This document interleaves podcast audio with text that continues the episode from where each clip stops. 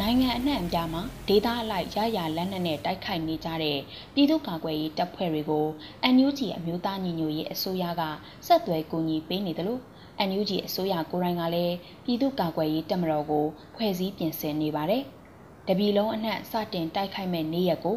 NUG ကထုတ်ပြန်ကြေညာခြင်းမရှိသေးပေမဲ့မကြမီစတင်တော့မယ်ဆိုတဲ့သတင်းတွေထွက်ပေါ်နေပါတယ်။ အာနာသိန်းလို့ငိမ့်ချမ်းစွာဆန္ဒပြသူတွေကိုစစ်တပ်ကရရက်ဆက်ဆက်ဖြိုခွင်းမှုတွေလုပ်ခဲ့ပါတယ်။အကြောင်းမဲ့အိမ်ထဲဝင်ပစ်တာတွေအပြစ်မဲ့အရွယ်မရောက်သေးတဲ့ကလေးတွေကိုတပ်ဖြတ်တာတွေပြည်သူတွေပိုင်ဆိုင်တဲ့ဥစ္စာပစ္စည်းငွေကြေးအစားအသောက်တွေကိုလက်နက်ကရန်ကာလူရက်တာတွေကိုမြို့ကြီးပြကြီးတွေမှာပြောင်ပြောင်တင်းတင်းလုပ်ခဲ့တာကိုပြည်သူတွေခါးသီးစွာကြုံတွေ့ခဲ့ရပါတယ်။ ရန်ကုန်လိုမြို့ကြီးတွေမှာတောင်ပတ်စံလူရတာငွေညစ်တာတွေကိုစစ်တပ်လို့မခေါ်ထိုက်အောင်ပြုမှုခဲ့ကြပါတယ်လက်နက်မဲ့ပြည်သူတွေကိုမိုက်တဲ့ကောင်ထွက်ခဲ့တည်ရဲတဲ့ကောင်ထွက်ခဲ့လို့ဆဲရီတိုင်းတွာပြီးစိန်ခေါ်ခဲ့ပါတယ်နောက်ပြီးဖမ်းကျင်တဲ့လူမတွေ့လို့အိမ်ကရှိတဲ့မိဘညီကိုမောင်နှမတွေကိုနှိပ်စက်ဖမ်းဆီးခဲ့တာဟာလည်းပြည်သူတွေအဖို့နာကြီးစရာတွေဖြစ်ပါတယ်။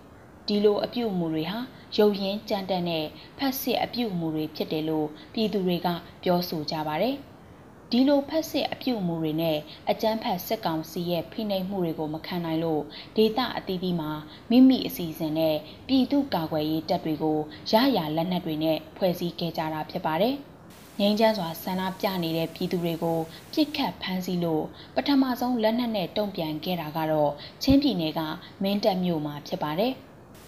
ချင်းပြည်နယ်မင်းတပ်မြို့မှာဧပြီလ24ရက်ကစစ်အာဏာရှင်စန့်ကျင်ရေးဆန္ဒပြသူတွေဖမ်းဆီးခံခဲ့ရက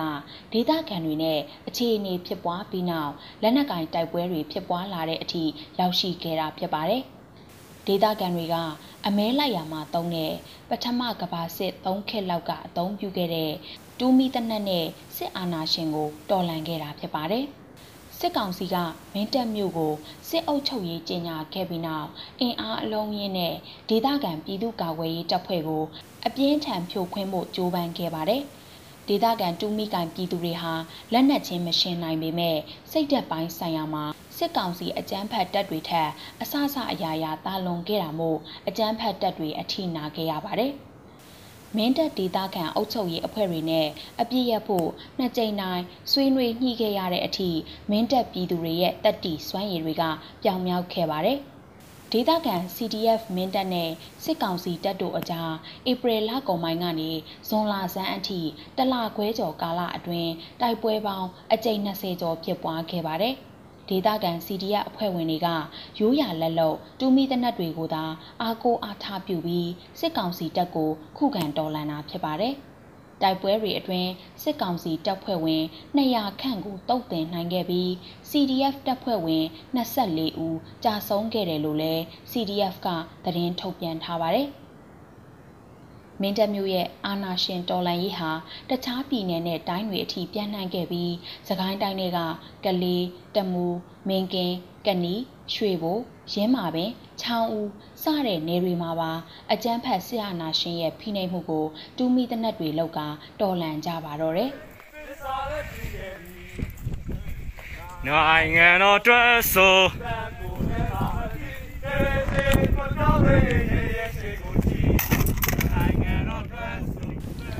စစ်အာဏာရှင်တွေဟာပြည်သူတွေရဲ့ဆန္ဒပြည်သူတွေရဲ့လိုအပ်ချက်တွေကိုနားမလဲသလိုသူတို့ရဲ့အာဏာကိုထိပါတယ်လို့ယူဆတဲ့ဘလူလှုပ်ရှားမှုမျိုးကိုမဆိုရက်ဆက်စွာဖိနှိပ်ပါတယ်။ဖိနှိပ်တာတွေတင်မကပါဘူး။စစ်ကောင်စီတွေရဲ့တပ်တွေဟာစီကန်းတေဝမှုကလည်းဖယိုဖယဲမှုလူရက်ခိုးဝတ်တာတွေလှုပ်ဆောင်လာတာဟာလည်းအများပြည်သူမြင်ကွင်းအောင်မရှောင်တော့လောက်ထိအောင်ဖြစ်လာပါတယ်။ ဒီလိုအာဏာရှင်နဲ့သူ့လက်ပါစေတွေရဲ့ဖိနှိပ်မှုတွေကိုငြိမ်းချမ်းစွာဆန္ဒပြရုံနဲ့မရတော့ဘူးဆိုတာပြည်သူတွေနားလည်သဘောပေါက်လာကြပါတယ်။ဒါကြောင့်ရန်ကုန်မန္တလေးလိုမြို့တွေမှာလည်းဒေသအလိုက်ပြည်သူ့ကာကွယ်ရေးတပ်ဖွဲ့တွေအသီးသီးပေါ်ပေါက်လာပြီးပျောက်ကြားတော်လှန်ရေးအသွင်လှုပ်ရှားမှုတွေရှိလာပါတယ်။ဒီလိုအဖွဲ့တွေကရန်ကုန်မန္တလေးတွင်မကပါဘူး။တနိုင်ငံလုံးအနှံ့ပေါ်ပေါက်လာပြီးကို့အစီအစဉ်နဲ့ကိုအာနာရှင်ကိုတော်လှန်နေကြပါတယ်။ ဒီလိုရရလက်နက်နဲ့တော်လန်ရမှာစခန်းသိမ်းနိုင်တဲ့အထိပြောင်မြောက်လှတဲ့ကရားပြည်နယ်ကပြည်သူ့ကာကွယ်ရေးအဖွဲ့တွေဟာလည်းပြည်သူအားကျခဲ့ရပြီးတနိုင်ငံလုံးရဲ့တခဲနဲ့အားပေးမှုကိုရခဲ့ပါတယ်။ ဒီလိုပြည်သူတွေကမိမိရဲ့ရွာဒေသလုံခြုံမှုစစ်အာဏာရှင်အကြမ်းဖက်သမားတွေရဲ့ဖိနှိပ်မခံရဖို့ပြည်သူ့ကာကွယ်ရေးတပ်ဖွဲ့တွေဖွဲ့စည်းနေသလိုအမျိုးသားညီညွတ်ရေးအစိုးရ NUG ကလည်း Federal တပ်မတော်ရှေ့ပြေးအဖြစ်ပြည်သူ့တပ်မတော် People Defense Force ကိုဖွဲ့စည်းဖို့ပြင်ဆင်နေပါတယ်။ဒီပြည်သူတပ်မတော်ကိုကာကွယ်ရေးဆိုင်ရာမူဝါဒနဲ့အညီဖွဲ့စည်းလိုက်တယ်လို့အမျိုးသားညီညွတ်ရေးအစိုးရ NUG ကမေလ9ရက်နေ့ကထုတ်ပြန်ခဲ့ပါတယ်။ ဒီထုတ်ပြန်ချက်မှာအကြမ်းဖက်စစ်ကောင်စီဟာတရားဝင်ပြည်သူအစိုးရထံကနေနိုင်ငံတော်အာဏာကိုအတ္တမလူရခါအစိုးရခေါင်းဆောင်တွေကိုဖမ်းဆီးထိန်သိမ်းထားပြီးပြည်သူတွေကိုနှိပ်စက်တပ်ဖြတ်ခြင်းဖမ်းဆီးခြင်းစတဲ့စစ်ရာဇဝတ်မှုတွေကျူးလွန်နေပြီး Federal Democracy ပြည်ထောင်စုတည်ထောင်ရေးကိုလည်းအဟံအတားပြုလုပ်လျက်ရှိတယ်လို့ဆိုထားပါတယ်။ ဒါအပြင်နှစ်ပေါင်း80ကျော်ဖြစ်ပွားနေတဲ့ပြည်တွင်းစစ်ကိုအဆုံးသတ်နိုင်ဖို့လုံခြုံရေးကဏ္ဍပြုပြင်ပြောင်းလဲရေးလှုပ်ဆောင်ဖို့နဲ့ Federal ပြည်ထောင်စုတပ်မတော်ဖွဲ့စည်းနိုင်ဖို့တာဝန်ရှိလာတာကြောင့်ပြည်သူ့ကာကွယ်ရေးတပ်မတော်ကိုဖွဲ့စည်းရခြင်းဖြစ်တယ်လို့လည်းဆိုထားပါတယ်။အခုဆိုရင်ပြည်သူ့ကာကွယ်ရေးတပ်တွေဟာစစ်တပ်နှံအပတ်စဉ်တွေကလည်းတတုပ်ပြီးတတုပ်ဖွင့်နေတာကိုတွေ့ရပါတယ်။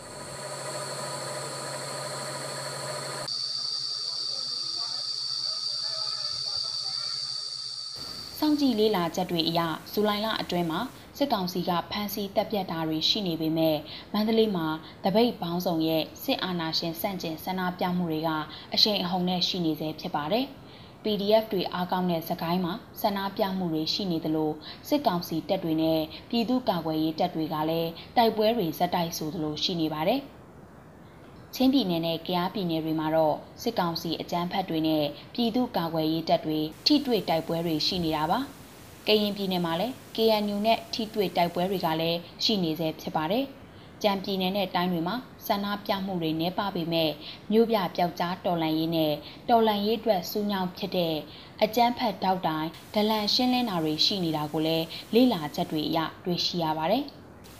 တမိုင်းကြောင်းတွေအရတော့မြန်မာနိုင်ငံဟာအကြမ်းဖက်ဖက်စစ်စနစ်အောက်ကြာရောက်ခဲ့ပါတယ်။ပြည်သူလူထုဟာဖက်စစ်တွေရဲ့နှိပ်စက်မှုကိုလူးနေအောင်ခံခဲ့ရပါတယ်။လွတ်လပ်ရေးကလည်းရွှေစိန်လွတ်လပ်ရေးပဲရခဲ့တာပါ။ဒါကြောင့်မခံနိုင်တဲ့အဆုံးမှာ1945မတ်လမှာဖက်စစ်ကိုတော်လှန်ခဲ့ကြပါတယ်။ဒီတော်လှန်ရေးမှာ ဗိုလ်ချုပ်အောင်ဆန်းဦးဆောင်မှုနဲ့ BIA တက်ပါသလိုပြည်သူတွေကလည်းလှဲနေလီအောင်မြင်းဆောင်မကြံပါဝင်ပြီးမဟာမိတ်တပ်တွေနဲ့အတူဖက်စစ်တွေကိုညီညီညွတ်ညွတ်တိုက်ထုတ်ခဲ့ကြလို့အောင်မြင်မှုရခဲ့ပါတယ်။အခုပြည်သူတွေကိုဖိနှိပ်မှုတွေလုပ်နေတဲ့21ရာစုအကြမ်းဖက်ဖက်စစ်တပ်တွေကိုလည်းညီညီညွတ်ညွတ်တိုက်ထုတ်နိုင်ရင်အောင်မြင်နိုင်မှာဖြစ်ပါတယ်။ဒီလိုတိုက်ဖို့ဆိုရင်အားလုံးစူးစီးမှုနဲ့လှုံ့ဆော်ရမှာဖြစ်ပါတယ်။ ဩဂုတ်လ2ရက်မှာတော့မြန်မာနိုင်ငံမြို့အနှံ့အပြားကမြို့ပြပျောက်ကြားအဖွဲ့တွေပူးပေါင်းပြီးမြန်မာအမျိုးသားကာကွယ်ရေးတပ်မတော် MNDF ကိုဖွဲ့စည်းလိုက်တယ်လို့ထုတ်ပြန်ထားပါတယ်။အားလုံးသောဒေသဆိုင်ရာပြည်သူ့ကာကွယ်ရေးတပ်ဖွဲ့တွေကတော့ NUG ကအစိုးရကြီးညာမဲ့ဒီဒေးခေါ်တပြည်လုံးတော်လှန်ရေးစတင်မဲ့နေ့ရက်ကိုစောင့်ဆိုင်းနေကြပြီးဖြစ်ပါတယ်။ NUG ရဲ့ကာကွယ်ရေးဝန်ကြီးဦးရင်မွန်ကတော့ပြည်သူတွေမျှော်လင့်နေတဲ့ဒီဒေးဆိုတာစစ်အာဏာအုပ်စိုးမှုကိုစန့်ကျင်တိုက်ဖြတ်ဖို့တပြည်လုံးတပြိုင်နက်တည်းနီးလန်းစုံနဲ့ဗျူဟာမြောက်ဆင်နွှဲတဲ့လှုပ်ရှားမှုလို့နားလည်ထားပြီးတပ်ဖွဲ့စည်းမှုစစ်ဖက်ဆိုင်ရာယာဒူးတာဝန်ခန့်အပ်မှုလက်နက်တပ်ဆင်မှုကိုအရှိန်မြင့်ဆောင်ရွက်နေပြီလို့ပြောဆိုထားပါတယ်။အခုဆိုရင် မြေပြင်ကအစုအဖွဲ့အများစုကိုတော့ချိတ်ဆက်စူးစီးနိုင်ခဲ့ပြီး chain of command တိစောက်နေတယ်လို့ဆိုပါတယ်။အဆက်အသွယ်မရသေးသူတချို့ကို့အစီအစဉ်နဲ့ကိုတီးကြရက်တီလိုသူတချို့လည်းရှိနေသေးတာကြောင့် chain of command တိစောက်နိုင်မှတော်လန်ရေးအောင်မြင်အောင်ဆင်နွှဲနိုင်မှာဖြစ်တဲ့အတွက်အလံတော်တစ်ခုတည်းအောက်မှာအားလုံးစုဝေးကြဖို့တိုက်တွန်းကျင်တယ်လို့လည်းကာကွယ်ရေးဝန်ကြီးဦးရင်မွန်ကပြောဆိုထားပါတယ်။တော်လန်ရေးအောင်မြင်မှုဆိုရမှာအားလုံးစုစည်းနေဖို့လိုပါတယ်။ ပြည်သူတွေရဲ့ပူးပေါင်းပါဝင်မှုကလည်းအရေးပါလာပါတယ်။လက်ရှိဖက်စစ်စစ်တပ်ကိုတော်လှန်နေတဲ့ပြည်သူ့ကာကွယ်ရေးတပ်ဖွဲ့တွေမှာကောင်းမွန်တဲ့လက်နက်တွေမရှိပါဘူး။တိုက်ပွဲဖြစ်ရင်မိုးရွာလာရင်တနက်တွေကပြစ်မရလို့ပြည်သူတွေအနေနဲ့ကူညီပေးကြဖို့ပြည်သူ့ကာကွယ်ရေးတပ်ဖွဲ့ဝင်တွေကပြောဆိုထားပါတယ်။ တော်လန်ရေးနယ်မြေတစ်ခုထဲမှာရောက်ရှိနေတဲ့အလှမယ်ထားထက်ထက်ကစစ်အာဏာရှင်စန့်ကျင်တော်လန်ရေးမှာပါဝင်လှုပ်ရှားနေကြတဲ့တော်လန်ရေးရဲဘော်တွေအတွက်တစ်ဖက်တစ်လမ်းကအလူငွေတွေကောက်ခံပေးနေပြီးမကြခင်အရေးကြီးအခြေအနေတစ်ခုကိုဖျက်ဆီးရတော့မှာဖြစ်လို့သိရှိပြင်ဆင်လျက်ရှိနေတယ်လို့ဆိုထားပါတယ်။မြန်မာနိုင်ငံမှာနှစ်ပေါင်းများစွာအမြင့်တွယ်နေတဲ့စစ်အာဏာရှင်ဖက်စစ်တွေကို မကြခင်မှာညီညီညွတ်ညွတ်နဲ့မောင်းထုတ်ကြတော့မှာဖြစ်ပါတယ်။ တော်လှန်ရေးအောင်မြင်ဖို့ရာအတွက်ပြည်သူတွေရဲ့ပါဝင်မှုဟာအရေးပါလာတာမို့21ရာစုအာဏာရှင်ဖက်စစ်အမြင့်ပြတ်မောင်းထုတ်ပွဲမှာပြည်သူတွေအနေနဲ့တက်နိုင်တဲ့နေရာကနေပါဝင်ပေးကြဖို့တိုက်တွန်းလိုက်ရပါတယ်။